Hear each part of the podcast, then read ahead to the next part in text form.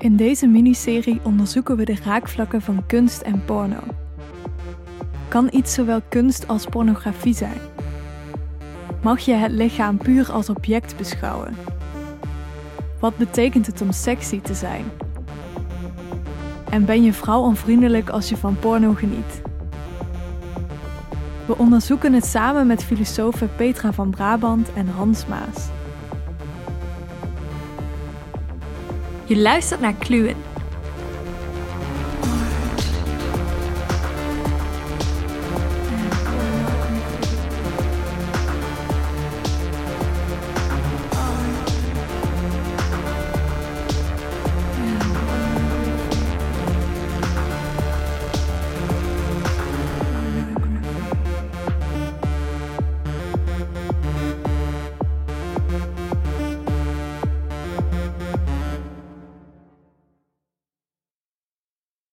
Nieuws. In deze aflevering gaan we het alleen maar over porno hebben.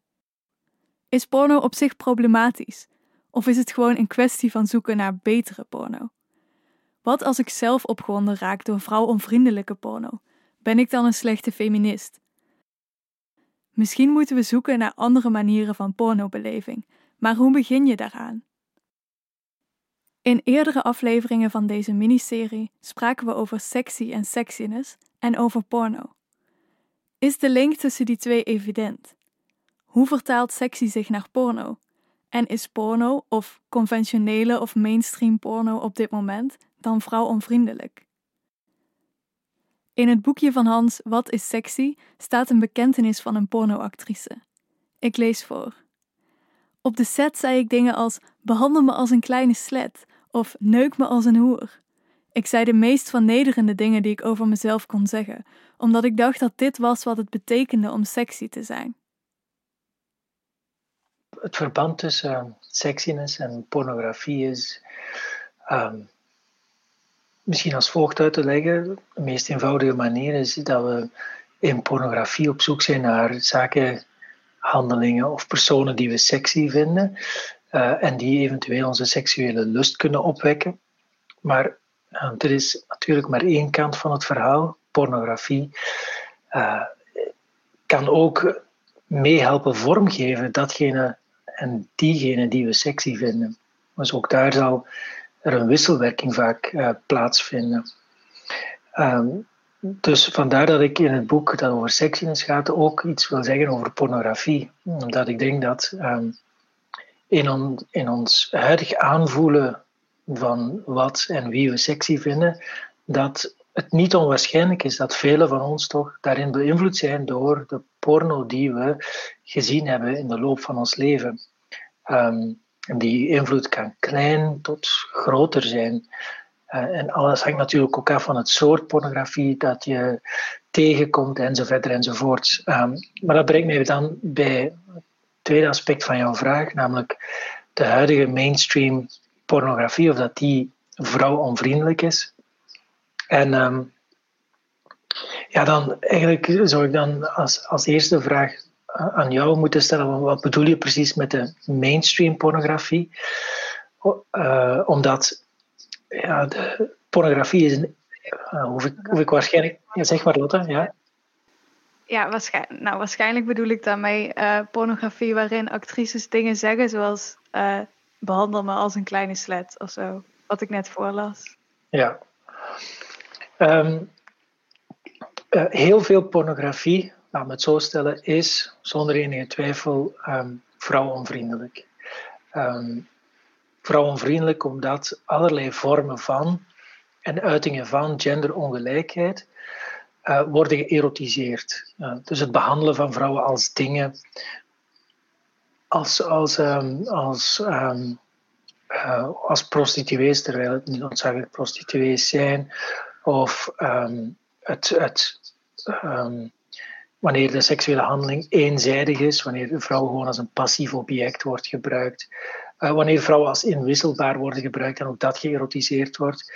Uh, dus dat zijn allemaal vormen die op vrouwonvriendelijkheid wijzen. Ik moet daar opnieuw een voetnoot bij plaatsen.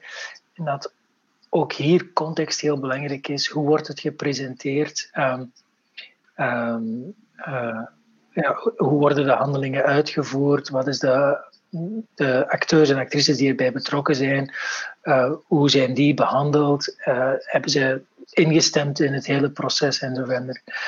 Dus dit even terzijde gelaten, denk ik dat we kunnen stellen dat heel veel pornografie vrouwenvriendelijk is. Ik heb dat in algemene termen proberen um, uit te leggen, maar je kan ook denken aan, aan meer specifieke um, genres en subgenres. Als je nu denkt aan websites zoals um, Pornhub of YouPorn, dus als je denkt aan uh, die genres zoals uh, fake agent of casting couch, uh, waarbij vrouwen ogenschijnlijk toch um, in de val gelokt worden door, um, door mannelijke zogenaamde regisseurs. En dit wordt dan gefilmd en op het internet geplaatst. Of gonzo pornography, dus wanneer vanuit het eerste persoonsperspectief de camera uh, door de man wordt vastgehouden en uh, hij dwingt of vraagt vrouwen allerlei zaken te doen. Ook opnieuw eenrichtingsverkeer, dat is ook iets dat kan gezien worden als vrouwonvriendelijke pornografie. Maar dat gezegd zijnde, ja, uh, niet alle pornografie, zelfs niet alle mainstream pornografie is vrouwonvriendelijk. En er is een enorm bloeiend en groeiend domein um, van vrouwvriendelijke, feministische, alternatieve pornografie. Wat zeker ook uh, de moeite is om, om te bespreken. Zeker, en dat zullen we zo ook nog zeker doen. Maar eerst wilde ik nog een vraag stellen over die mainstream pornografie. Namelijk, uh, ja, misschien aan Petra. Um, ben ik een slechte feminist als ik die mainstream vrouwonvriendelijke pornografie kijk? Dus uh, ik hou van seks en ik ben voor gelijkwaardigheid, dus ik ben een feminist. Ik vind daardoor pornografie best wel iets moeilijks. Um, what to do, Petra? Uh, ja, wel, we, we zitten, we zijn allemaal, denk ik, uh, zoals Roxanne Gray zegt, uh, bad feminists. in de zin dat we gesocialiseerd zijn, bepaalde verlangens hebben, bepaalde ambities hebben, waar we niet altijd meester over zijn wat die niet altijd transparant zijn ook. Um, en, en ik denk dat daar zelfveroordeling of veroordeling van de ander uh, het minst, de minst opportun, ja, de minst productieve strategie is. Dat neemt niet, niet weg dat je wel kan zelfkritisch zijn en dat je kan ook uh, die, die kritiek met elkaar delen en, en kan, kan een soort van uh, daarin groeien. En ik denk dat dat wel wel mogelijk is. Maar dat vraagt natuurlijk opnieuw, dat vraagt delen, dat vraagt werk, dat vraagt support. En dat vraagt dus e-, eerder een soort van ruimte, wat niet voor iedereen toegankelijk is, dat een, in vele gevallen een privi privilege is. Um, maar zo, zoals uh, Hans al zei, niet alle mainstream pornografie is, is vrouwonvriendelijk. En um, ik vind het het is, tekenend of het is sprekend dat, dat um, die vraag altijd komt bij pornografie. En dat we die vraag uh, nooit stellen, of quasi heel, veel minder stellen, op, toch op een veel minder uh, virulente manier, of minder kritische manier stellen ten aanzien van uh, de lijzen, of ten aanzien van Levi's, of ten aanzien van L'Oréal. Um, terwijl ik denk als we de empirische analyse zouden maken van de harmfulness van die uh, bedrijven of die sectoren, retail sector of de fashion-industrie of de schoonheidsproductenindustrie. Um, dat, dat we niet zo ver zouden zijn van de schade die bijvoorbeeld pornografie aan, aanbrengt. Er is één uh, interessant aspect, denk ik, van pornografie, uh, dat eigenlijk in het voordeel pleit met betrekking tot de harm, de schade die wordt aangebracht Um, in vergelijking met, met reclame, laten we zeggen, of met uh, make-up-industrie, is dat er ook een soort van moreel stigma op pornografie hangt. Dus het is iets dat we wel doen, maar het is ook iets waar dat we allemaal bewust van zijn dat het problematische aspecten heeft. En wat die, dat, dat bewustzijn nu gefundeerd is, wat dat bewustzijn nu om de juiste redenen is, dat, dat doet er eigenlijk niet toe. Er is een soort van maatschappelijke gedeelde argwaan ten aanzien van pornografie. En op, dit kan om de verkeerde redenen zijn. Hè? Dat het een soort van behoort tot de populaire cultuur, tot, tot uh, voor de lagere klassen, entertainment is en zo verder.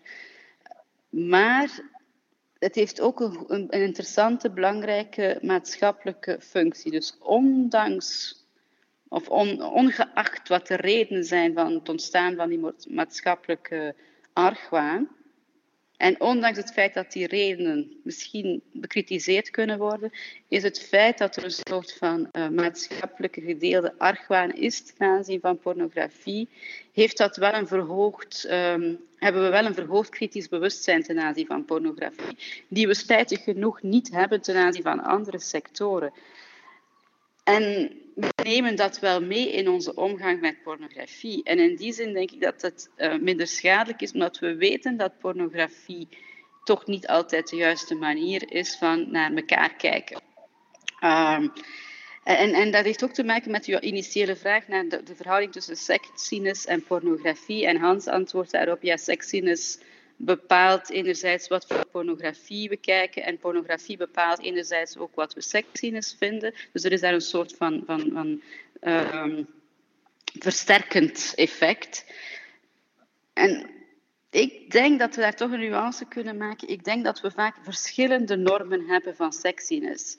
Wie je bijvoorbeeld sexy vindt als potentiële partner, kan heel hard verschillen van wat je sexy vindt in pornografie. En heel vaak is wat je sexy vindt in pornografie, of het, het, personage, uh, niet het personage die je in het dagelijks leven sexy slash aantrekkelijk, uh, seksueel uh, interessant vindt.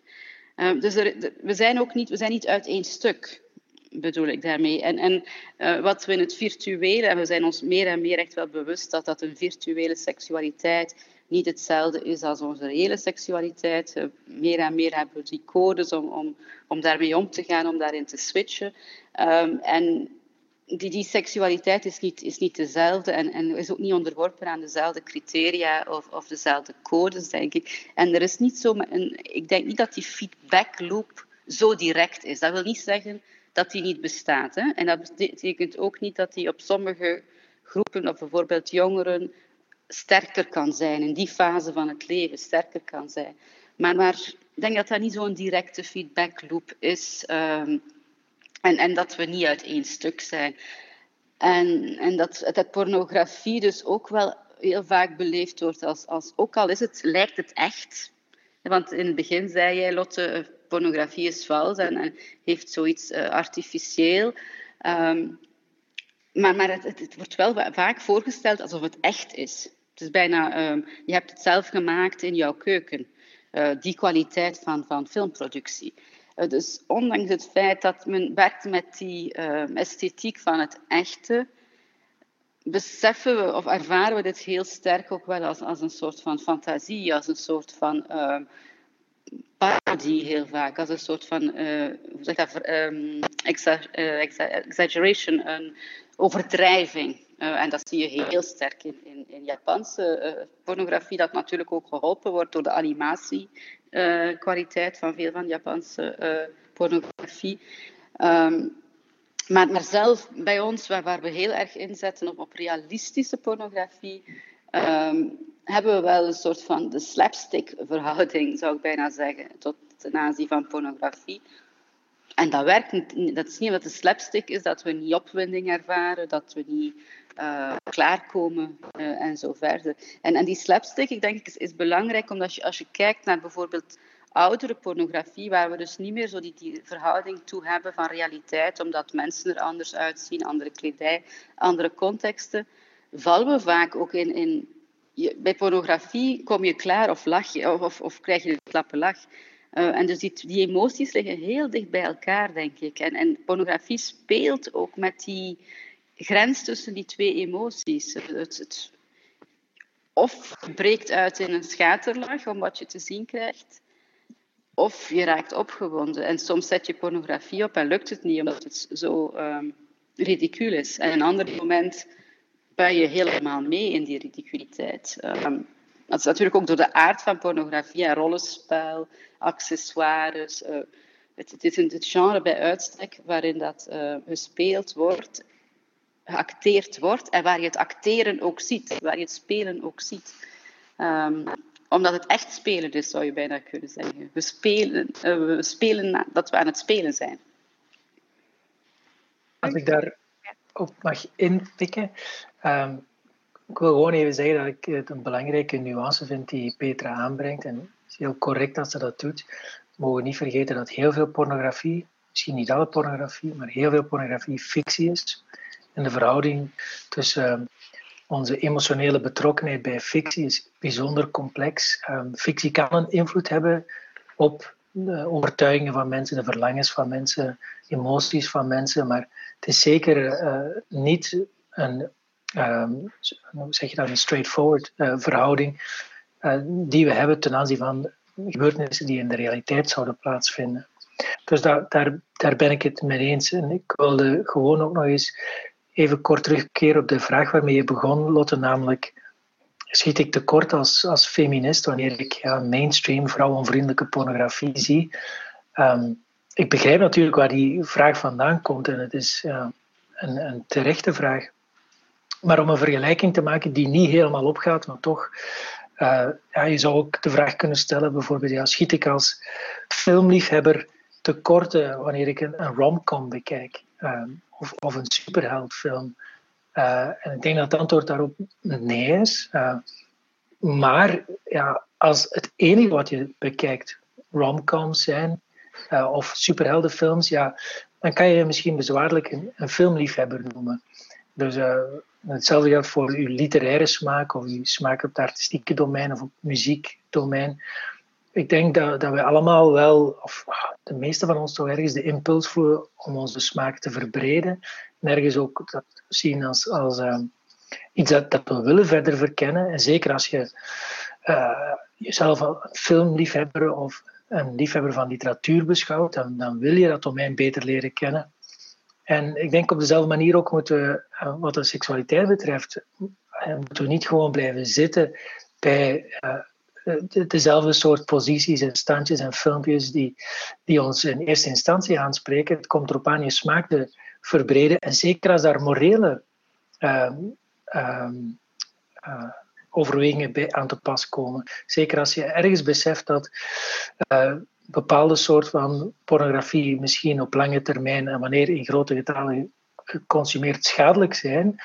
En wanneer je anderzijds beseft dat andere vormen van pornografie misschien ja, een, een, ehm, eh, een beter moreel, moreel opzicht een beter effect hebben, dan denk ik dat, je een extra incentive hebt om, om je smaak te verbreden. En uh, dat is waar ik op zich wel voorstander van ben. Ja, ik hoor jullie op verschillende momenten inderdaad en ook op verschillende manieren. Uh, ja, en, ja, en eigenlijk een roep doen om het, niet het afschaffen van porno, maar het diversifieren van porno of diversifieren van sectie. En kunnen we, kunnen we porno inzetten om uh, die normen waar we het over hebben gehad uh, te veranderen? Er is bijvoorbeeld porna, dat zou dan vrouwvriendelijke porno zijn. Of egalitaire porno. En um, kan je misschien uitleggen uh, wat dat is? Of hoe maak je dat? En, en is het de oplossing?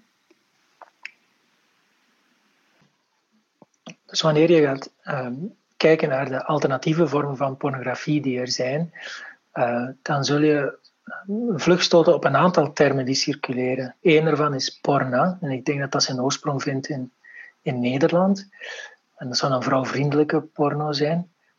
Uh, een andere term die soms opduikt is um, vrouwvriendelijke porno. Pornografie die, vriendelijk is ten aanzien van porno. Eigenlijk dan inwisselbaar met met porna. Feministische porno, alternatieve porno, dat zijn allemaal termen die circuleren. En soms wordt daar um, toch niet helemaal hetzelfde mee bedoeld. Um, bijvoorbeeld in het boekje uh, maak ik het punt dat, je, dat er een verschil is tussen feminist en vrouwvriendelijk zijn. Je kan vriendelijk zijn tegen vrouwen, maar ze toch niet op een gelijkwaardige manier behandelen. En eh, ik heb dat eigenlijk ook met pornografie. Pornografie kan vrouwvriendelijk zijn, maar daarom uh, nog niet vertrekken vanuit het standpunt dat mannen en vrouwen um, gelijkwaardig zijn uh, en, en de genderongelijkheid, um, dat daar iets aan gedaan moet worden. Zelf stel ik voor om te spreken over radicaal egalitaire pornografie, ehm, omdat, uh, dat is ook al ter sprake gekomen, ehm, er meer vormen van onrecht zijn die, wat, wat seksualiteit betreft, dat we ook naar andere manieren moeten kijken waarin mensen tot bepaalde sociale klasses kunnen behoren, klasses die gemarginaliseerd zijn of um, klassen, die, klassen van categorieën van mensen die uh, het, het moeilijker hebben door vormen van discriminatie in onze maatschappij. En feminisme lijkt, uh, en denk ik, is, een, volledig legitieme term, uiteraard, feministische pornografie. Maar de nadruk valt dan echt op de ongelijkheid die er bestaat tussen man en vrouw. Maar je hebt ook discriminatie ten aanzien van de LGBTQ-community, wanneer we denken ook aan bepaalde um, ja, etnische afkomsten en, en, en dergelijke. Uh, en, en vandaar de, de term die ik voorstel is radicaal egalitaire pornografie, als een, als een pornografie die ver, vertrekt van um, en ook actief zich inzet tegen vormen van discriminatie en het perpetueren van um, uh, discriminatie. Um, maar dat is een van de domeinen, of een van de minieme puntjes, denk ik, waar Petra en ik misschien uh, lichtjes andere opvattingen zijn toegedaan. Dus misschien, Petra, kan jij hierop inpikken? Ja, ik vind het moeilijk om pornografie op, op die manier te, te typeren. Feministische, ik begrijp wat de bedoelingen zijn, maar zelfs e-, egalitair of radicaal ehm, egalitaire pornografie. Um, in de eerste plaats omdat je dan vaak uitgaat van een soort van eh, een definitie die vooraf bepaalt en waar dan werken worden aan afgetoetst. Um, waar ik liever vertrek van de, de, werken die er zijn, of de pogingen die er zijn om werken te maken. En waar we dan casus per casus, zoals je daarnet al zei Hans, uh, casus per casus eerder bekijken van wat gebeurt in die werken. Um, kunstenaars of makers uh, maken uh, dingen met, met, met bedoelingen. Die bedoelingen worden niet gerealiseerd in een werk. Een werk kan je op zich realiseren zonder dat je naar de bedoelingen kijkt.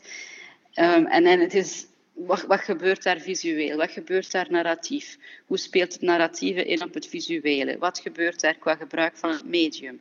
Uh, hoe spelen de verschillende lagen van het werk op elkaar? Wat zijn de referenties uh, buiten het werk? Uh, en de context, waar je daarnet ook al hebt over gehad, Hans, van, waarin dat werk terechtkomt. En dus ik, ik vind die kritische analyse, bijna kunstkritische of cultuurkritische analyse van werk tot werk, interessanter uh, omdat er effectief zoveel interessante dingen gemaakt worden, of zoveel interessante pogingen gemaakt worden. En de discussie daarna over wat is dat werk nu, wat doet dat werk met ons. Um, en die discussie um, leert ons ook op andere manieren kijken. Want wat, wat jij radicaal egalitair vindt, um, is misschien niet wat ik radicaal egalitair vind. En, en, en omgekeerd. En wat iemand die bij ons ja. nu niet aan tafel zit, misschien radicaal egalitair vindt. En, en dus eh, ik vind het belangrijker dan zo'n categorie te gaan bouwen, um, om echt case per case de discussie te, te hebben en, en, van elkaar daarin uh, te leren. Uh, maar ook aandacht te hebben voor de, het feit dat betekenis niet stabiel is. Uh, dat betekenis van een kunstwerk echt wel ehm, evolueert in de tijd als we kijken naar de, de, de pink porn, Japanse pink porn uit de jaren 60, wat echt werd gezien als machine, massaproductie porn, wordt vandaag bij ons als, als artistiek uh, relevant gezien. Um, wat, wat, wat je zou kunnen zeggen als, als extreem vrouwonvriendelijke pornografie, ook die pink porn, kan je door een soort van uh, toch complexere analyse zien van hoe daar toch agency, handelingsvermogen wordt gegeven aan de vrouwelijke personages. Dus ja, ik ben eigenlijk eerder voor het, het, het, het, het um, verdiepen, veralgemenen en een grotere aanwezigheid van, van kunstkritiek en van cultuurkritiek uh, dan uh, categorieën op voorhand uh, gaan bedenken. En ik ben ook eerder voor het stimuleren van ehm, makers om te gaan experimenteren en, om in een, een vroeger artikel die, die ik schreef met Jesse Prince zeggen we, het probleem van pornografie is geen filosofisch probleem. Je zou kunnen zeggen ook, het is geen feministisch probleem, het is een artistiek probleem. En een probleem in de zin van een opgave. Het is een opgave om daarmee aan het werk te gaan, om, om dingen te maken en dan te kijken wat doen die dingen met ons. Um, en, en op positieve manieren en op negatieve manieren. En, en wat doen wij dan met die dingen? Uh, en dat vind ik uh, in die zin belangrijk. Daar kan ik uh, mij wel in vinden, Petra. En uiteindelijk, uh, je hebt gelijk wat die definities en labels betreft. Het is ook maar dat. Het is niet, niet het echte werk, om het zo maar te zeggen. Um, dus het is, wat jij aanhaalt is, is belangrijker. Uh, en om terug te komen op de vraag van, uh, van Lotte, maar wat is dat dan, feministische pornografie of die alternatieve pornografie? Uh, we hebben daar nu in heel algemene termen over gesproken, maar um, als je het echt concreter wil maken, denk ik dat we in eerste instantie naar het productieproces moeten kijken. Dus hoe wordt de pornografische film bijvoorbeeld in kwestie gemaakt? We moeten, ik denk, iets kan maar beschouwd worden als als een feministische of radicalitaire vorm van pornografie, denk ik, wanneer um, er geen uitbuiting plaatsvindt, uiteraard geen geweld, wanneer iedereen gerespecteerd wordt en voldoende betaald wordt enzovoort. Um, wanneer um, de, de, verschillende mensen die betrokken zijn in het creatieve proces ook echt betrokken worden in het creatieve proces, niet als instrumenten behandeld worden.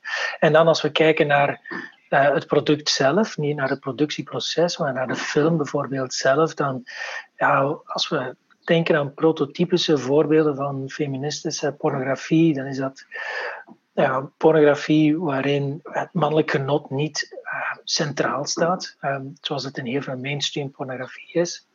Dat je eigenlijk, ja, dat is ja, um, alles werkt toe naar het mannelijk orgasme op het einde, dikwijls dan nog in de vorm van een cumshot op het gezicht van de vrouw. Um, dus dat is ja, echt een cliché in de mainstream pornografie. En geen onschuldig cliché, omdat ja, het ergens toch te kennen geeft van het hoogtepunt van seksuele handeling is de man die klaarkomt op het einde. Uh, terwijl ja, dat hoeft uiteraard niet zo te zijn. Ik zou zeggen, zo, zo, mag het niet zijn, zeker niet altijd zijn. Um, het prototype is opnieuw, als we denken aan feministische pornografie, denken we diversiteit van lichamen. Niet iedereen die aan hetzelfde ideaal moet be, be, beantwoorden. Diversiteit aan uh, seksuele oriëntaties ook, mogelijkerwijs. Dat um, niet, niet heteronormativiteit kunnen uh, doorbreken, dat die nog erg sterk aanwezig is in de manier waarop pornografie gemaakt wordt en geconsumeerd wordt, enzovoort. Ja, als we dus alternatieve uh, porno maken, of we dat nu uh, klassificeren vooraf of niet. Um, ik vraag me af, we zijn altijd subject geweest aan bepaalde normen van wat sexy is.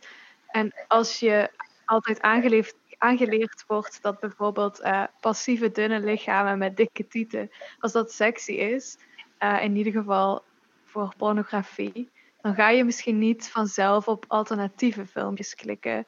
Dus um, Petra, heeft het uh, zin om andere porno te maken? Denk je dat er uh, wel naar gekeken wordt?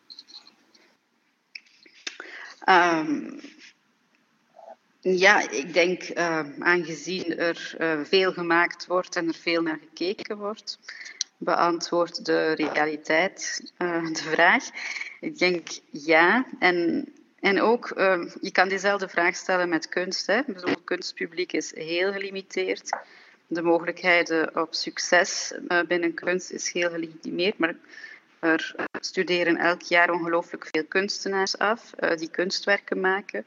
Ehm, dus je maakt ook je publiek gedeeltelijk. Je creëert een publiek. Als je denkt aan uh, uh, queerpornografie of uh, transpornografie, dan maakt men ook pornografie in de eerste plaats voor je eigen community. Je maakt geen pornografie om uh, heteroseksuele cis-personen um, jou te leren kennen. Of om, om hen van hun normatieve seksualiteit te bevrijden. Dus um, je, je, je, maakt ook pornografie omdat jouw community of omdat jouw groep die pornografie graag maakt, in de eerste plaats, en ernaar verlangt. Ehm, en als, als, als kijker of als consument, wat vaak is in pornografie, hangt het een beetje af van je eigen uh, kritische verantwoordelijkheid, morele verantwoordelijkheid, politieke verantwoordelijkheid en esthetische uh, verantwoordelijkheid. Waar je naar op zoek gaat en waar je jezelf in, in traint. En als je al opnieuw de privileges en de tijd hebt om, om dat te doen. Uh, maar met betrekking tot het maken zou ik zeker zeggen van ja, het heeft, het heeft, het heeft zin. Al is het maar om, om weet je, we gaan, uh, we gaan niet op de, de beeldcultuurrevolutie realiseren um, via pornografie. Dat, geloof ik niet. En, en, dat is ook misschien niet wat op de agenda staat. Maar we kunnen misschien wel uh, pockets of resistance, dus um, zakdoekjes van weerstand creëren. Um, en, en, en, en misschien zelfs nog kleiner, nog minder dan zakdoekjes van weerstand zakdoekjes van vreugde. Plekken waar we met elkaar um, um, vreugdevolle seksualiteit kunnen beleven. Seksualiteit die niet uh, altijd in, in een soort van idealiseren van waar ik nog niet ben, het lichaam er nog niet uitziet, wie ik nog niet heb, uh, niet op die manier gedefinieerd wordt. En dat denk ik is, is niet alleen mogelijk, is ook belangrijk. In een uh, manifest voor egalitaire porno van uh, een pornografisch uh, productiebedrijf stond het volgende. Vrouwen mogen niet tegen hun wil worden onderworpen aan geweld of dwang. Wat we haten is de orale seksscène waarin de vrouw gedwongen wordt om fellatio uit te voeren hard bij de haren wordt getrokken en sperma in haar gezicht wordt gespoten. En ik, ik, denk dat wij het eh, alle drie in ieder geval eens zijn over dat een algemeen beeld van de vrouw als passief en de man als actief schadelijk is. En ook zeker als uh, vrouwen tegen hun wil aan iets worden onderworpen. Um, maar misschien vragen sommige mensen zich af, misschien vraag ik me dat ook wel af, ik ben er nog niet helemaal uit, of die indeling altijd een probleem is. Um, wat nu met vrouwen die bijvoorbeeld alleen in seks en niet daarbuiten graag uh, passief willen zijn, of het uh, aantrekkelijk vinden om geobjectiveerd te worden of zelfs vernederd of uh, in het gezicht gespoten te worden. Is dat een probleem? En misschien daarbij aan toevoegend ook een probleem. En dit krijgt misschien een beetje de vorm van: ik vraag dit voor een vriend. um, kan je als feminist niet egalitaire dingen sexy vinden? Kan je als um, feminist of zelfrespecterende vrouw bijvoorbeeld uh, verkrachtingsfantasieën hebben? Dat is een, uh, dat is een heel complexe vraag, hè? Uh, want je, je vertrekt van een scène in een pornofilm tot um, seksualiteit en, en menselijke seksualiteit. En dan naar een heel specifieke uh, gewelddadige fantasie. Um, ik zou daar graag onderscheid maken tussen enerzijds um, de pornografie waarnaar je kijkt en de pornografie die je, um, want je kan kijken zonder iets te appreciëren, of zonder er lichamelijk in betrokken te zijn.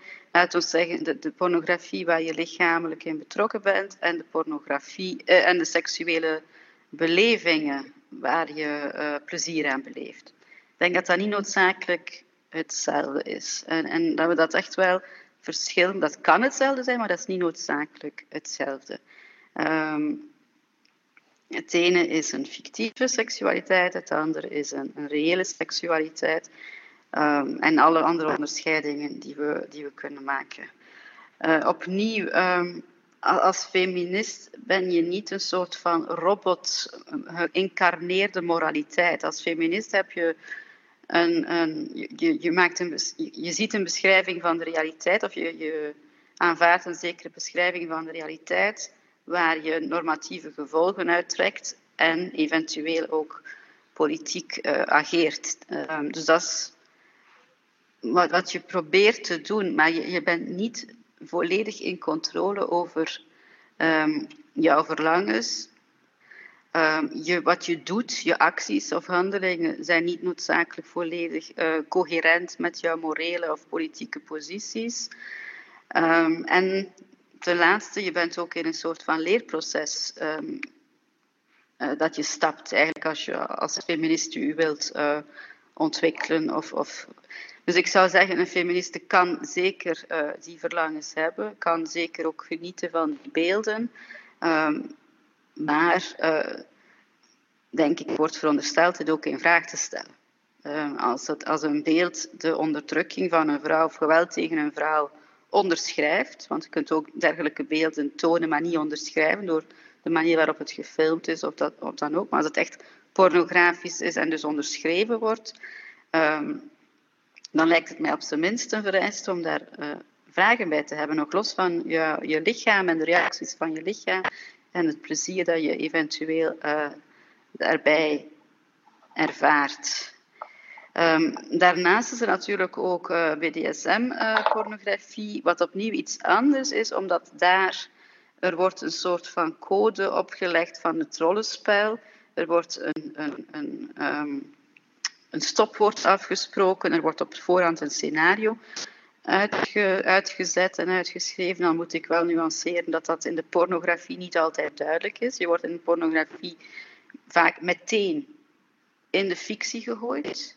Um, in de gewelddadige fictie, terwijl in de beleving van uh, bondage of van sado, uh, sadistische of sadomasochistische pornografie je wel een soort van uh, script rehearsal hebt. Um, met bepaalde afspraken, met bepaalde stopwoorden en zo verder. Dat zie je vaak niet in de pornografie, die script rehearsal en, en die consent die, die expliciet wordt afge, afgesproken. Um, dus ja, een lang antwoord op een, op een, op een, complexe vraag met betrekking tot de verkrachtingsfantasie. Wel, verkrachtingsfantasieën zijn een deel van ons script, van het westers script, uh, van uh, loop is door het Louvre, loop is door het Museum voor Schone Kunsten en je zal verkrachtingsfantasieën zien. Dus het, is niet, het moet ons niet verwonderen dat mannen en vrouwen erfgenaam zijn van die verkrachtingsfantasieën en dat onze lichamen uh, op die manier um, zijn, gesocialiseerd zijn. Um, en dat plezier daar ook geboren wordt. Um, wat zegt dat over ons, is misschien de belangrijkste vraag. Ja, ik denk dat we nu weer heel mooi rond zijn bij waar we mee begonnen. Met name omdat, je ook, uh, omdat we toen hadden over uh, de westerse kunsttraditie als kunst van de verkrachting ja. en zo. Ja.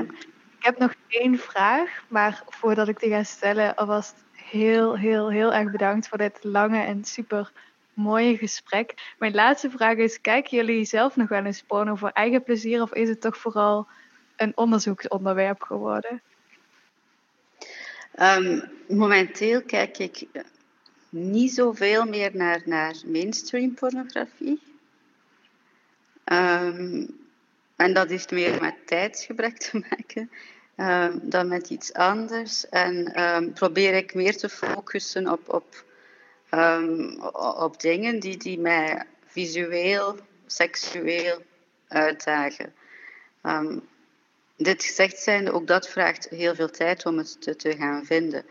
Um, ik, ik, ben wel niet, eh, ik ben um, tot die filosofische vragen gekomen vanuit een fascinatie voor het medium en niet omgekeerd.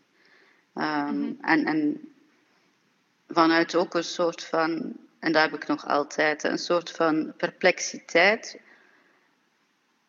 dat er zo weinig artistiek mee gedaan wordt. En als er iets mee gedaan wordt, dat het telkens maatschappelijk uh, ontvangen wordt in heel sensationele uh, termen.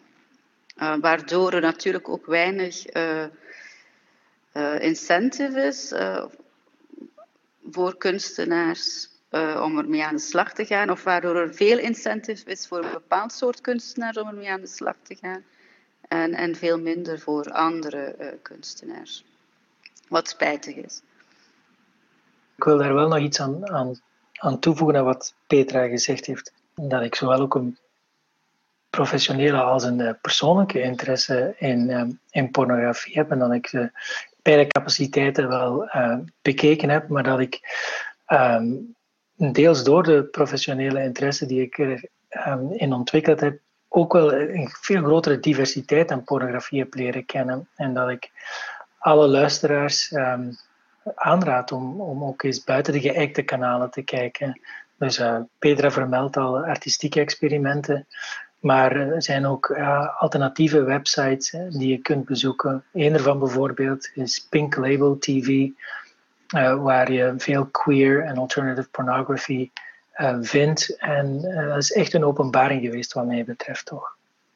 Wat, wat, wat, wat voor mij altijd heel fijne ervaringen zijn, en, ik ben zeker van dat, dat Hans dat met mij deelt, want we hebben dat ook wel samen al gehad, is van samen in groep, collectief, um, naar pornografie te kijken. Pornografie hoeft voor mij echt niet iets te zijn van thuis in uw zetel of in uw bed of met uw partner of alleen. Um, en, en dat vind ik ook een heel groot gemis. Um, het collectief in een filmzaal naar pornografie kijken, er nadien over spreken uh, of niet. Uh, maar, maar het is een cultuurproduct, het is een kunstproduct. Uh, het is iets dat echt wel publiek bekeken, gedeeld kan worden. Het doet iets met je lichaam en dat hoeft niet meteen ook gerealiseerd te worden in een orgasme wat dat met je lichaam doet. Je kan echt wel opwinding beleven zonder ehm, het meteen uh, te gaan of je kan het uitstellen. Je kan die, die, die opwinding bewaren of heroproepen op een later moment. Maar, maar het, het publiek samen of semi-publiek uh, in een, een, cinemazaal samen kijken ehm, naar pornografie ehm, vind ik een heel leerrijke, eigenlijk, emotioneel leerrijke ervaring. Om naar iets te kijken en, en iets te beleven lichamelijk en je af te vragen, bewust of onbewust, hoe de personen naast jou, voor jou, achter jou dit nu beleven. Je hebt dat ook met heel intense films, met, met allerlei andere intense films. Maar ook dit is iets dat ik wel mis. En op de momenten dat bijvoorbeeld Hans zoiets georganiseerd heeft, of anderen waar ik heb kunnen aan deelnemen, vond ik dat heel belangrijk. Zowel esthetisch, moreel, politiek, uh, als emotioneel uh, leerrijk ook. Dit was deel 5, het laatste deel van de miniserie van Kluwe Kunst en Porno. Wil je meer weten over pornografische kunst of kunstige porno? Bestel het boek van Petra en Hans, Kunst of Pornografie, een filosofische verkenning, bij je lokale boekhandel. Een groot dankjewel aan Petra van Brabant en Hans Maas voor dit mooie gesprek en aan Anne Lucassen voor het beeld. De muziek is een samenwerking van Koenhuis van de Anesthetics en Liz Starling. Een speciale dank aan alle betrokken huisgenoten in drie verschillende woningen die betrokken werden bij provisorische thuisstudio's en gedurende dit gesprek, dat eigenlijk een uurtje zou duren, plots vier uur lang stil moesten zijn. Wat vond je van deze miniserie? Praat mee op onze sociale media. Welke inzichten kreeg je en met welke vragen blijf je zitten? Laat het ons weten. Als je wil dat meer mensen naar Kluwe luisteren, geef ons dan een recensie in Apple Podcasts. Dat maakt ons beter vindbaar. Je kan je ook op Kluwe abonneren in Spotify, Soundcloud of andere apps. En natuurlijk deze serie delen met die ene kunstzinnige of sexy vriend. Dankjewel.